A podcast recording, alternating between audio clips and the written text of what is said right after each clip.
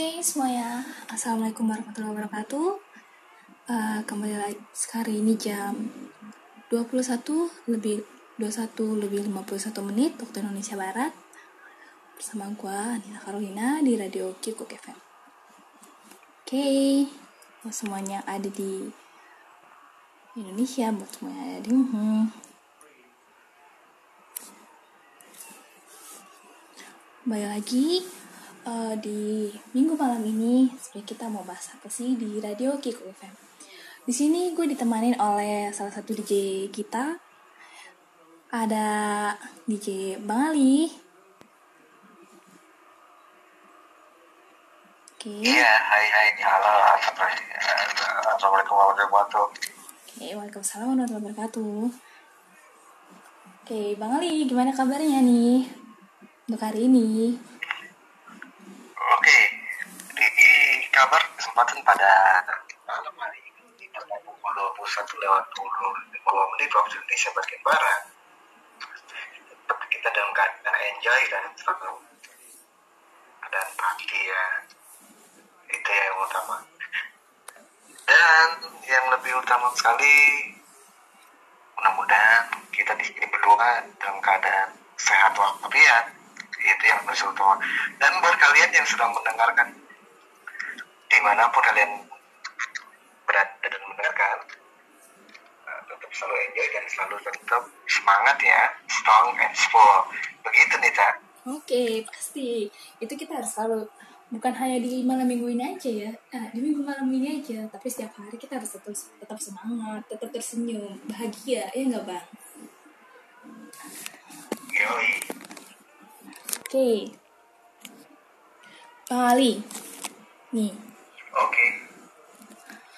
Uh, eh, kan nih tadi uh, malam minggu ini nih enaknya kita bahas apa sih ini bang? Banyak kan hal-hal yang mungkin di luar uh, pagi nih jam sekarang itu jam udah satu lima tiga mungkin ada nggak sih bang Ali punya bahasan tersendiri? Kayaknya ini bukan malam minggu deh ya. Oh iya benar. Malam Senin kali ya malam Senin um, mungkin ada yang bilang minggu malam ada yang bilang malam Senin oke okay. setiap orang punya perspektif berbeda oke okay, kita pembahasannya ya. topik di pada malam hari ini ya mungkin ada sedikit berbau-bau politik gitu ya hmm. tapi bukan berarti kita menyusul politik guys kalian juga uh, kita di sini cuma naik untuk kalian yang zaman generasi milenial. Pandangan tentang politik di mana kalian ini apa dengan antara generasi sekarang dengan generasi zaman dulu atau zaman dulu. Ada generasi M ada generasi X atau generasi M. Nah macam-macam generasi itu kan berbeda ya apalagi ini zaman milenial apalagi kita akan mendekati namanya pilpres pemilihan presiden. Orang nomor satu di Indonesia. Nah buat pandangan kalian buat kalian seperti apa sih politik okay. di Indonesia menjelang pilpres begitu nih kan oh benar. Bahasannya bagus banget nih. Apalagi ini tuh benar-benar 2019 ini tahunnya era politik banget. Nanti di bulan April pasti akan ada yang pilpres kan? Bahkan mungkin. Bang Ali kemarin nonton gak sih debat pilpres kemarin di antara dua calon tersebut? Itu lagi hangat-hangatnya loh ramai banget. Uh, sama urusan nonton. Udah pasti so pasti. Ya pasti kita nonton. Itu apalagi dua jargon. Ini kan menuju yang namanya kursi nomor nomor satu di Indonesia. Ya, berhubung kita media, jadi kita harus netral nih. Gitu, Nita. Oke, pasti kita netral. Uh, berarti kita berbicara tentang apa? Bagaimana sih partisipasi politik di generasi milenial saat ini? Bukan begitu nggak sih, Bang Ali? Ya, generasi politik di zaman milenial sekarang ini sepertinya uh, apa ya pandangan anak zaman milenial sekarang ini kayaknya acu tak acu gitu kita acu tak acu oh gini deh bang Ali. Mungkin sebelum kita membahas tentang sebenarnya partisipasi politik di generasi milenial saat ini atau mungkin partisipasi politik di zamannya bang Ali dulu kita mesti tahu dulu partisipasi politik itu sebenarnya apa sih gitu gimana kalau kayak gitu bang nah. oke okay. uh, maksudnya maksudnya hmm. kita uh, di sini kita jelasin dulu tentang sebenarnya partisipasi politik itu apa Oke, partisipasi okay. politik. Ya, ya, dan partisipasi politik ini artinya bagus ya buat kalian sebagai generasi milenial atau generasi baru atau generasi zaman now atau generasi X gitu ya bilangnya. Kenapa? Karena suatu partisipasi partisipasi buat kalian ini adalah suatu yang baik buat menuju yang lebih baik, terutama buat kalian. Karena jujur tanpa kalian negara kita tidak akan pernah mungkin maju dan generasi sekarang ini juga sama partisipasi itu nomor satu ya harus di nomor satu kan dibandingkan kalau kalian tidak mau ikut partisipasi ada mungkin mungkin generasi ini ada yang cerita acu ada yang sebodoh ada yang mau ah mau coblos kayak mau itu yang kayak dia yang pemdam dia yang yang menjabat dia. Itu bukan saudaraku. Nah itu hilangkan ya prinsip seperti itu hilangkan ya uh -uh. generasi zaman sekarang. Itu hilangkan prinsip seperti itu. Karena justru generasi yang namanya sekarang ini menuju yang namanya partisipasi dunia politik penting. Karena ini kalian juga kelak nanti di masa yang akan datang. Terutama sampai akhir cucu anak kalian. Begitu Nita. Oke benar. Sip. Partisipasi politik. Ah, gue juga menambahkan sedikit nih Bang Ali tentang sebenarnya partisipasi politik nih. Kalau kita ngambil dari sudut pandang teori-teori nih. Gimana Bang Ali? Oke kalau kan dari sudut menurut sudut pandang dari teori Menurut Gabriel Almond, partisipasi politik tidak hanya sebatas mengambil bagian atau peranan dalam konteks kegiatan politik, Partisipasi politik selalu diawali oleh adanya artikulasi kepentingan di mana individu mampu mengontrol sumber daya politik. Seperti itu. Oke, jadi partisipasi politik sendiri bukan hanya sebatas uh, penting atau enggak, tapi memang kita tuh harus berpartisipasi politik, bukan begitu Bang Ali? Iya, ya begitu. Oke, berbicara lagi nih tentang partisipasi politik. Mungkin nih Bang Ali sebagai generasi yang zaman dulu nih, bisa nggak sih menjelaskan kalau dulu tentang partisipasi politik itu seperti apa sih? Apakah sama seperti yang zaman sekarang? Kita zaman sekarang itu menggunakan media. Oh, kalau kita kalau dulu kalau kita dulu itu zamannya kampanye ya, kita dulu masih ada namanya kampanye ya. Kita zamannya kampanye Nah, jawabannya kampanye kita kalau menghadapi namanya kampanye pemilihan, ya itu, itu antusias, antusias banget ya. Antusias banget tuh. Kita menghadapinya itu. Apalagi kita akan ada dampak ya, segala macam gitu kan. Meriah banget. Emang itu memang benar-benar pesta rakyat, ya pesta rakyat. Semua kegembiraan, terharu, dan senang, dan segala macam. Bahkan, kalau dulu itu generasi-generasi berparali sendiri setiap menghadapi pemilu namanya lima tahun kita harus dipersiapkan mata-mata akan jargon apa yang nanti kita tentukan tapi beda kalau dulu kan tidak ada pilpres kalau dulu hanya pemilihan sebagai partai politik itu saja perbedaannya ya guys itu kita oke perbedaannya kalau misalkan dulu. Partisipasi politik di zaman generasinya Bang Ali itu pasti ada yang namanya uh, uh, partai-partai partai politiknya itu benar-benar menjadi suatu pesta demokrasi pasti ya kan? Sementara harus hmm? ya itu pasti. Sementara kalau kita bawa ke zaman sekarang ini pasti ada yang namanya perubahan sosial kan bang? Kalau dulu mungkin nih di zamannya bang Ali yang namanya media massa seperti eh media massa ataupun sosial media saat ini mungkin di zamannya bang Ali belum ada kan tapi di zamannya gue ini, sosial media itu tuh selalu berkembang. Kita sekarang itu partisipasi bukan hanya sebatas kita datang ke tempat pencoblosan. Bagaimana kita partisipasi di generasi ya? bagaimana kita partisipasi di generasi milenial mungkin salah satunya dengan saling turut andil ah satu lagi. Kita juga ikut berkomentar. Sebenarnya pandangan kita seperti apa sih? Contohnya dengan mengikuti debat capres kemarin. Ya kan? maksudnya kalau untuk generasi milenial saat ini kan bedanya hanya itu aja. Mungkin kalau gue nambahin generasi milenial saat ini menggunakan media massa juga menggunakan sosial media sebagai kekuatan utama oke bang Ali oh udah jelas sekali. Ya ya ya. Yang jelas ya udah jelas sekali. Kalau di zaman sekarang ini emang medsos di sosial atau terutama itu internet ya emang jadi kekuatan basis nomor satu ya. Apalagi mungkin kalian jangan sampai terprovokasi dengan namanya hoax ya. Nah ini yang lebih repot ya. Karena me- media sosial, media sosial atau medsos itu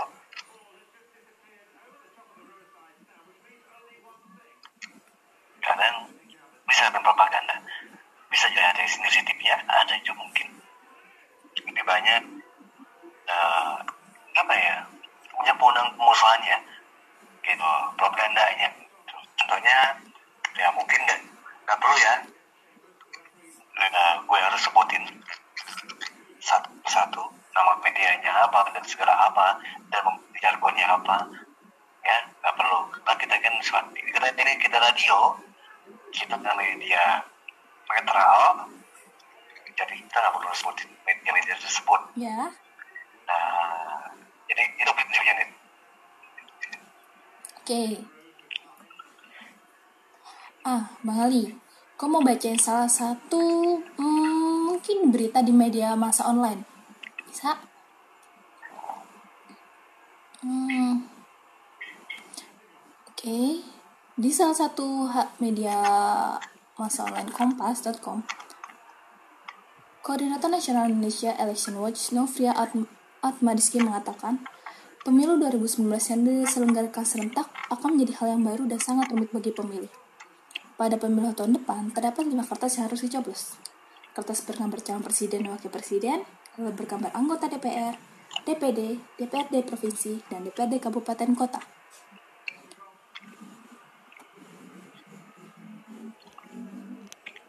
Lantaran ini hal yang baru, semua pihak harus bahu-membahu menyaksikan pemilu 2019. Salah satu yang dapat dilakukan pemuda adalah mendorong masyarakat untuk tidak golput. Terkait dengan sosialisasi, kalau kita sudah terdaftar, gunakan hak pilih kita. Beritahu pemuda yang lain agar juga berpartisipasi dalam pemilu serentak. Ujar Novia di kantor Bawaslu. Kepada para calon yang berkonsultasi, para pemuda dapat mengambil bagian dengan mendorong mereka agar berjuang demi rakyat. Pemuda juga dapat memberikan pendidikan politik kepada publik bagaimana memilih calon. Oke, itu adalah dari media harian Kompas. Eh, Oke, Bang Ali, gimana sih ini? oke Kalau kan kita belajar lagi.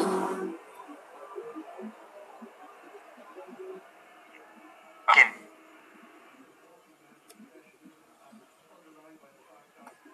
Jadi nih, mungkin ada eh, listener kita nih, mungkin belum tahu sebenarnya saat, saat di tahun politik ini kita tuh harus milih siapa aja sih? Apa sebetulnya hanya milih ke calon presiden aja atau dia milih hal lain? Nah ternyata kita tuh saat di bulan April nanti bukan hanya milih presiden aja, tapi ada milih hal lain juga, anggota DPRD, DPD, kita juga harus milih seperti itu.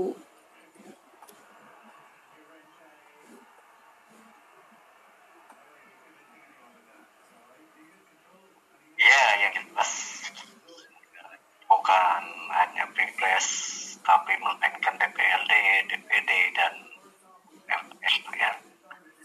Kita, kita lihat buat generasi yang zaman sekarang, generasi now, generasi milenial, gunakan hak pilih kalian dan ikutlah selalu partisipasi dalam pesta demokrasi. Karena sejujurnya semua generasi kita ini generasi Indonesia ini di tangan kalian guys ya. Terutama gue juga gue juga sama ya.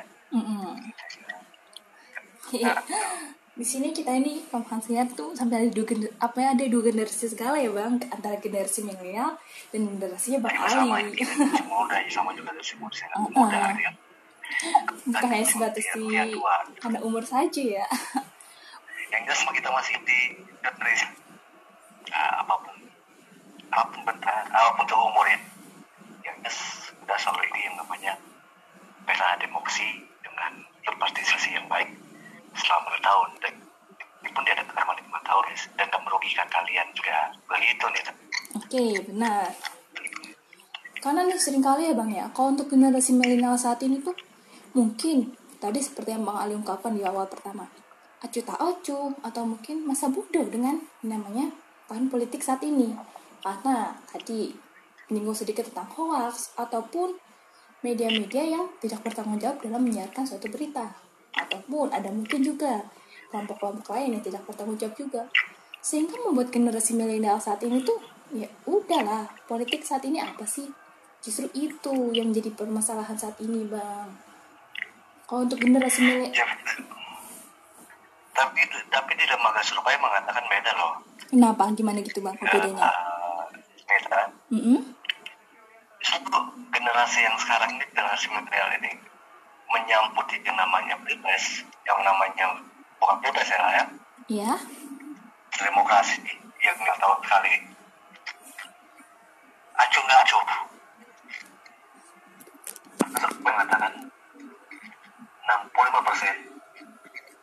Mereka acuh nggak acuh gitu. jadi 10 persen mengatakan penting ya. Ya gitu. sedangkan 20 persen mengatakan ngamen tidak mau ngomong apa-apa nah itu serupa ya ya gitu. sedangkan 5 persen mengatakan tidak tahu-tahu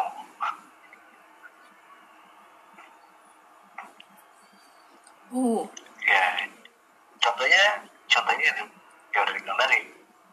Hampir semua medsos mungkin kita tahu kalau ya mungkin kita kan terhubung di beberapa aplikasi sebuah radio streaming. Gitu kan?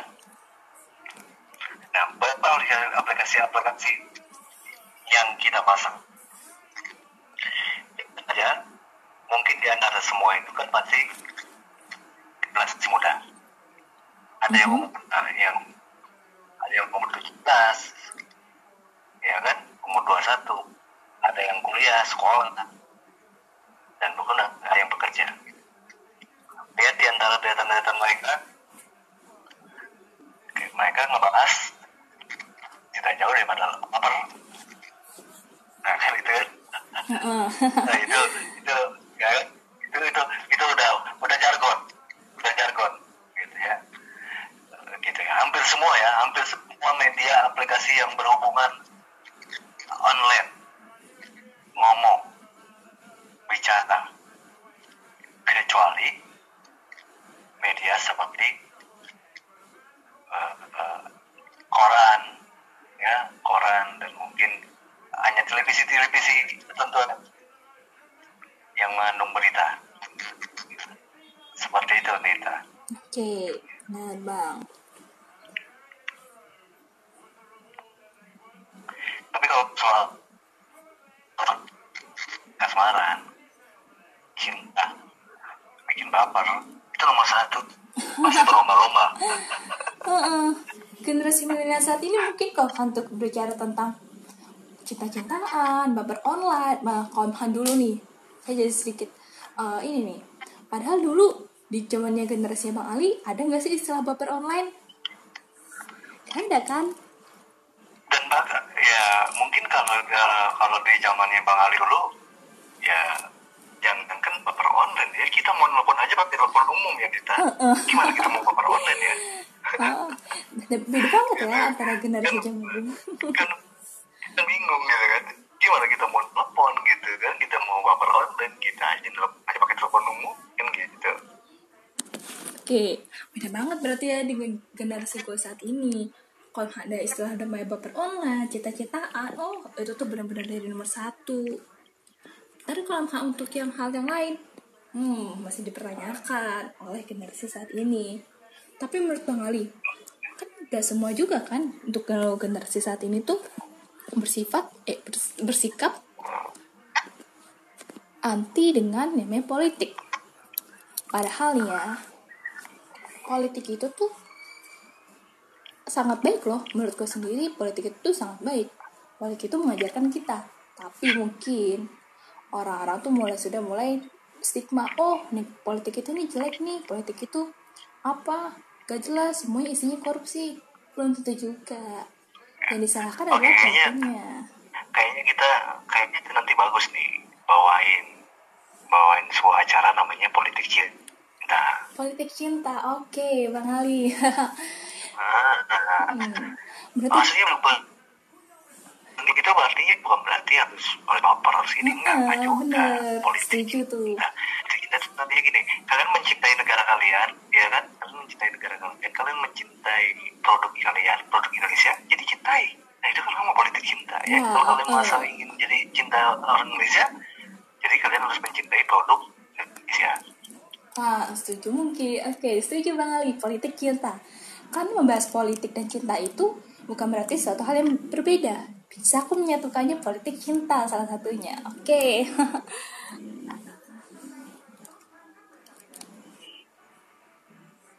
Oke, Bang Ali. Hmm. Untuk para Oke, mungkin kita sudah berapa menit ya kita on air? Uh -uh, sudah berapa menit? Ah, ada nih informasi yang harus diketahui oleh para pemuda saat ini. Mungkin banyak yang belum mengetahui informasi ini. Aku membacakan informasi ini dulu ya, Bang.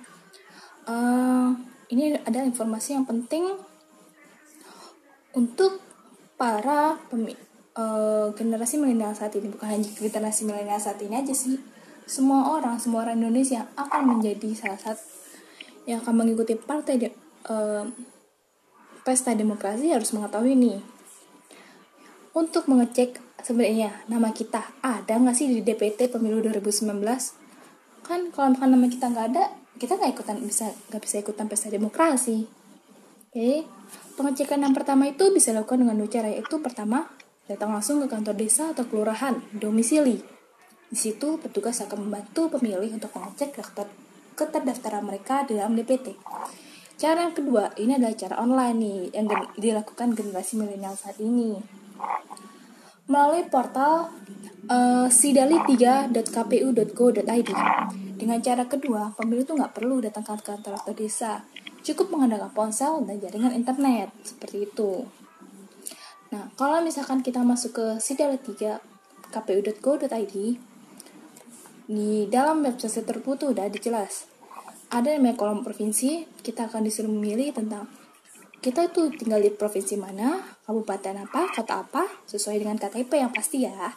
Lalu isikan NIK kita, nomor induk kependudukan. Yang pasti juga, karena pemilih itu di Indonesia harus dijebaskan ke atas atau yang sudah memiliki KTP yang sudah terdaftar sebagai pemilu, yang terdaftar sebagai pemilih tetap. Lalu ketik nama di kolom nama, yang letaknya di samping kolom NIK, Masukkan nama lengkap sesuai dengan yang tertera dalam KTP. Terakhir, klik ikon cari pemilih. Nah, itu aja. Mungkin itu sedikit tips yang bisa dibuat para pendengar-pendengar Radio Kikok FM saat ini. Oke, gimana bang? Mungkin ada mau menambahkan tips lain? Atau mungkin mau menambahkan lagi? Uh, Oke. Okay. Oke, okay, Nita. Hmm? Oke, okay, Nita. Nah, sekarang mengalir ada di ada ada di Oke, ah satu lagi nih yang harus kalian tahu ya. Satu lagi nih yang harus kalian tahu tanggalnya. Hari pemungutan suara itu dilakukan tanggal 17 April 2019. Jadi jangan lupa untuk datang ke TPS masing di masing-masing wilayahnya. Oke, itu udah pasti ya. Itu udah pasti ya. Harus datang ke TPS ya. Oke, pasti. Pasti.